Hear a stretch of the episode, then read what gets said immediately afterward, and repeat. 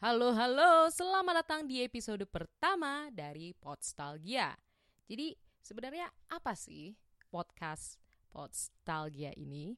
Podstalgia adalah podcast tempat kita akan berbincang dan bernostalgia tentang film-film yang telah rilis film-film yang menurut kita layak untuk ditonton ulang kembali dan membuat kita merasa menjadi nostalgic atau mungkin nanti kita juga akan membahas film-film yang sebenarnya menurut para kritikus tuh nggak bagus-bagus banget, cuma secara personal kita mau untuk nonton ulang film itu lagi.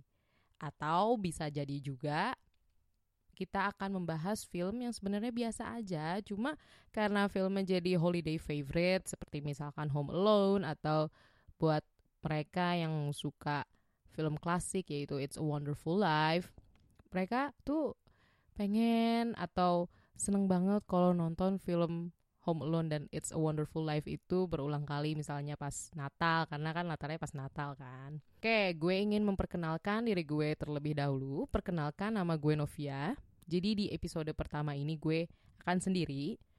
Cuma rencananya di episode-episode selanjutnya gue akan mengajak beberapa teman gue untuk membahas film apa sih yang sebenarnya asyik untuk dijadikan nostalgia atau film apa sih yang membuat mereka ingin untuk nonton ulang lagi? Atau film apa sih yang membuat menurut mereka tuh nggak bosen untuk ditonton ulang lagi? Dan kita akan membahas film-film tersebut dari berbagai perspektif. Dan selanjutnya kalau misalkan podcast ini terus berlanjut sampai panjang gitu ya umurnya amin gue berharap Postalgia ini uh, gue bisa mengundang orang-orang yang memang berkecimpung di industri film, baik aktor, sutradara, produser, terus para pengamat seperti kritikus, reviewer atau movie blogger untuk join di podcast ini dan membagi pendapat mereka. Oke, langsung aja.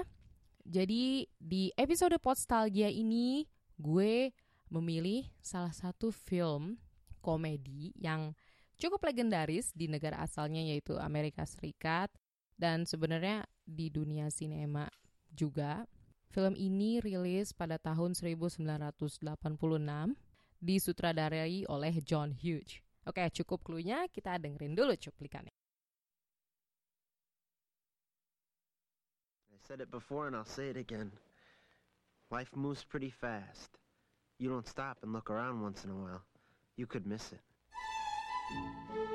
What is so dangerous about a character like Ferris Bueller is he gives good kids bad ideas.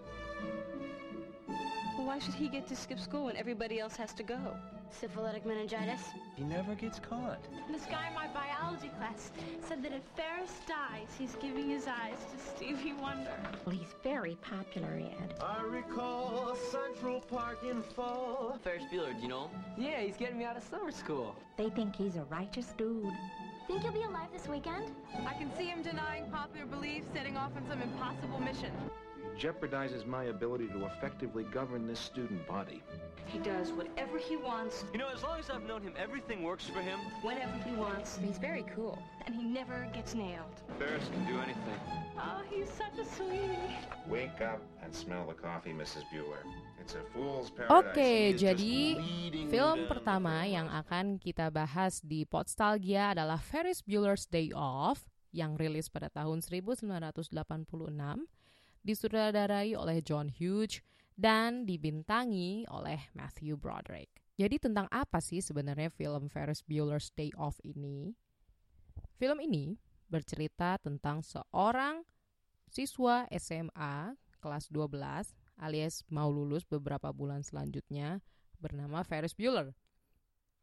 Dan pada film ini, Ferris Bueller pura-pura sakit, dia bohong ke orang tuanya, dia juga bohong ke teman-temannya. Dia bilang kalau dia tuh sakit keras. Dia tuh believable banget sakitnya sampai orang tuanya percaya dan temennya pun bahkan sampai bilang ke saudara perempuan dari Ferris kalau dia tuh rela mendonor ginjalnya ke Ferris itu agak konyol sebenarnya. Lucu banget sih. Dan karena semua orang percaya kalau Ferris itu sakit keras ya udah Ferris tuh di dibiarkan istirahat bed rest di rumahnya. Dan ketika orang tuanya udah pada kerja tuh Ferris sendiri kan. Dan ya udah Ferris pun memulai petualangan bolosnya dengan mengajak temannya. Sorry bukan teman sahabatnya Cameron dan tentu pacar dari Ferris dan dimulailah petualangan bolos Ferris atau petualangan day off dari Ferris Bueller.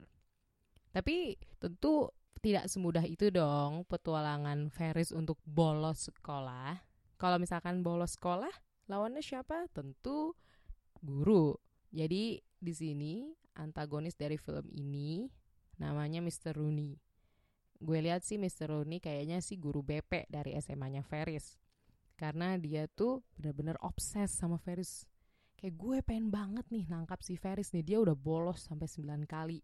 Kali ini gue gak boleh lepasin Ferris dengan mudah. Jadi di film itu kita bisa melihat petualangan bolos Ferris, dari nyolong mobil bapaknya Cameron sampai ikut parade tiba-tiba nimbrung dengan petualangannya Mr. Rooney untuk menyergap Ferris untuk membuktikan kalau Ferris itu sebenarnya pura-pura sakit atau untuk bolos. Langsung aja, kenapa sih gue mau angkat Ferris Bueller ini di episode pertama dari Podstalgia? Jujur aja pas gue kepikiran untuk bikin podcast ini, gue langsung kepikiran sama film yang menurut gue tidak akan lekang oleh waktu dan tetap asyik untuk nonton ulang lagi. Dan film tersebut film petualangan.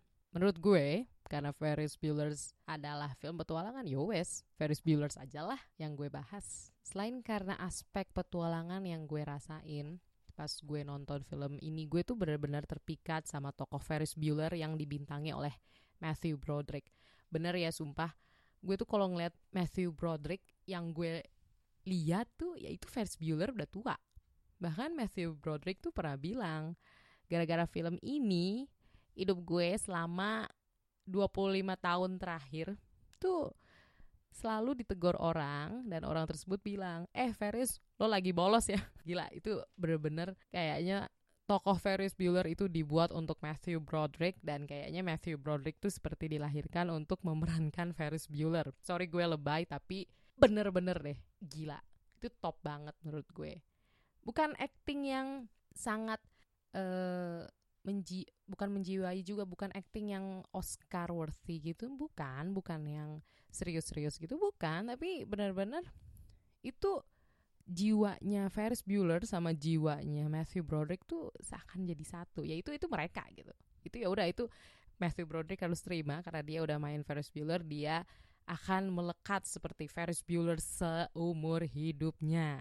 Jadi di to, di film ini tokoh Ferris Bueller tuh uh, diperlihatkan sebagai seseorang yang sangat wild and free, begitu carefree, uh, bodoh amat, suka break the rules karena kan dia bolos tuh dari sekolah. Dia tuh bolos sekolah sampai 9 hari.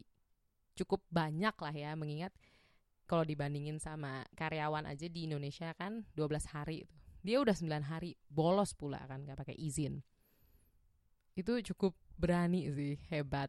Dia bisa mengambil resiko itu apalagi dia mau lulus kan, dia mau lulus dan lanjut ke college atau universitas. Itu berani sih karena di filmnya pun Mr. Rooney bilang, lo tuh sebenarnya harusnya ngulang karena lu udah bolos alias udah alfa tanpa izin. Emang alfa kan tanpa izin ya? Udah alfa selama 9 hari. Itu. Itu satu ya dari tokoh Ferris Buellernya sendiri. Kedua gue tuh suka banget sama pemilihan petualangan petualangannya Ferris Bueller. Emang sih cuma satu hari cuma di film itu setiap adegannya setiap aktivitas yang dilakukan oleh Ferris Bueller terasa begitu padat dan porsinya pas. Kayak satu tuh gue kasih contoh aja ya, ketika dia pura-pura jadi orang tajir di kota Chicago dan dia berusaha untuk bisa makan di restoran elit. Awalnya sih pelayannya kayak nggak percaya, apaan sih lu anak SMA bau kencur. Soalnya Ferris juga pas datang sama temennya nggak pakai baju rapi. Mereka ya pakai baju baju baju siswa SMA Amerika aja lah pada umumnya. Cuma Ferris tuh dengan sahabat dan pacarnya bisa kompak untuk ngejailin si pelayan ini untuk bisa makan di restoran itu. Pokoknya oke okay banget lah. Terus kenapa menurut gue Ferris Bueller ini juga oke okay? karena selain toko Ferris, gue tuh suka banget dengan adanya toko Cameron di situ.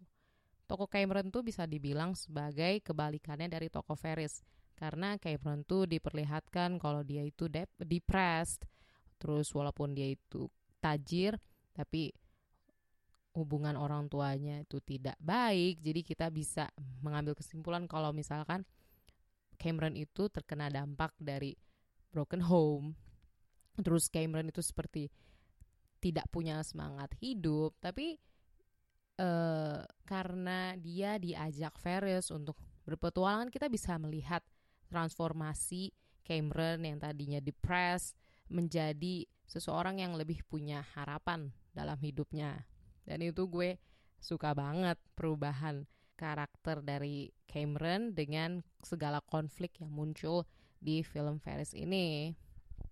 Terus gue uh, keinget juga ada cameo yang cukup memorable buat gue yaitu cameo dari Charlie Sheen di sini. Charlie Sheen tuh di sini berperan sebagai seorang drag eh drag kan jadinya bukan drag.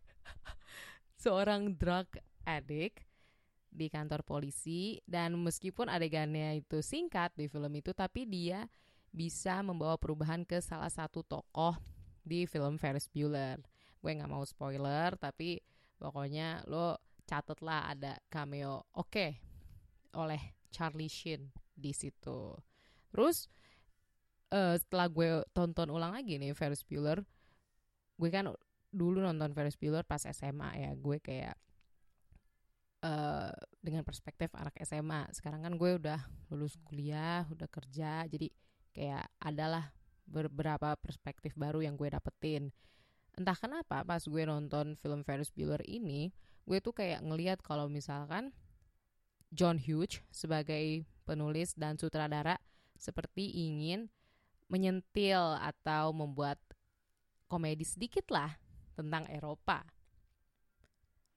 entah kenapa kayak gitu karena satu gue keinget adegan di awal-awal kalau Ferris ini bilang ngapain gue ikut kelas European Socialism? Ngapain gue ikut kelas sosialisme Eropa? Gue kan bukan orang Eropa.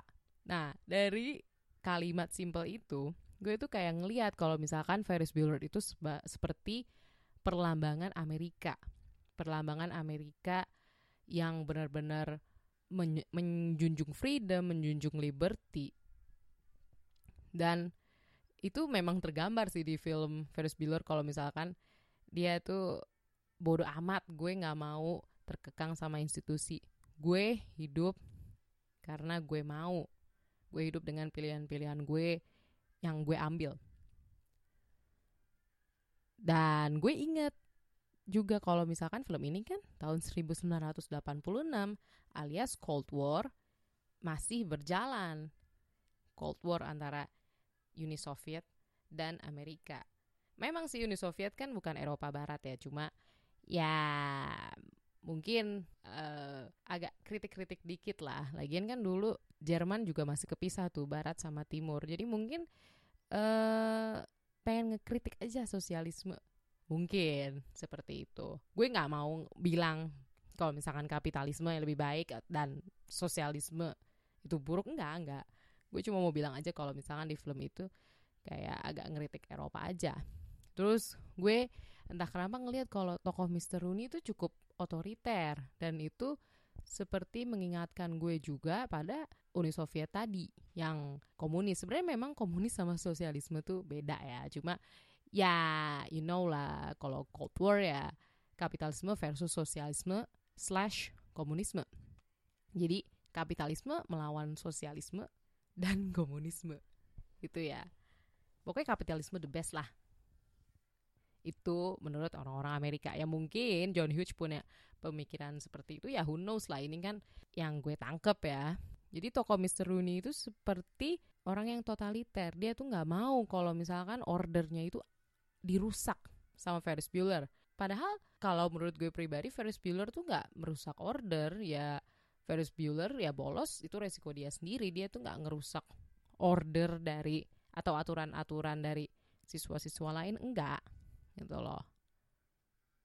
Itu pas gue nonton lagi gu- pas gue nonton ulang lagi gue tuh nangkep pemikiran seperti itu. Itu bukan berarti valid ya itu cuma pendapat gue aja. Pokoknya lo lo pada nih menurut gue yang belum nonton film Ferris Bueller ini coba nonton. Ini ada di Netflix filmnya. Jadi lo bisa streaming dan untuk lo yang udah pada nonton Ferris Bueller ini mungkin lo coba lagi lah nonton ulang dan mungkin lo bisa berbagi apa sih yang lo dapetin ketika lo nonton ulang film Ferris Bueller ini atau mungkin pas lo nonton ulang lagi ah filmnya biasa aja ah terlalu terlalu berlebihan penggambaran bolosnya nggak mungkin ada orang di dunia nyata yang bolosnya seliar Ferris mungkin seperti itu. Mungkin lo coba aja kirim pendapat lo ke email podstalgia di podstalgia at gmail.com atau lo bisa juga tweet ke Twitter dari Podstalgia at Podstalgia. Atau mungkin nanti kalau misalkan Instagramnya udah aktif ya ke at Podstalgia oke okay? atau mungkin lo bisa langsung ke Twitter gue di @novia n o u v i y a handheld yang sama baik di Twitter atau Instagram. Oke, sekian dulu pilot sekaligus pembahasan dari Ferris Bueller's Day Off. Terima kasih telah mendengar podcast ini sampai titik ini. Gue tahu masih banyak banget yang hal-hal yang perlu di improve, tapi gue juga sangat eager untuk segera mempublish episode pertama dari Podstalgia ini karena gue yakin gue bisa terus meningkatkan kualitas dari Podstalgia ini terutama dengan bantuan star, krit, dalam bentuk kritik, saran, komentar apa pun dari teman-teman semua. Terima kasih sekali lagi dan sampai jumpa di episode Podstalgia selanjutnya. Bye bye.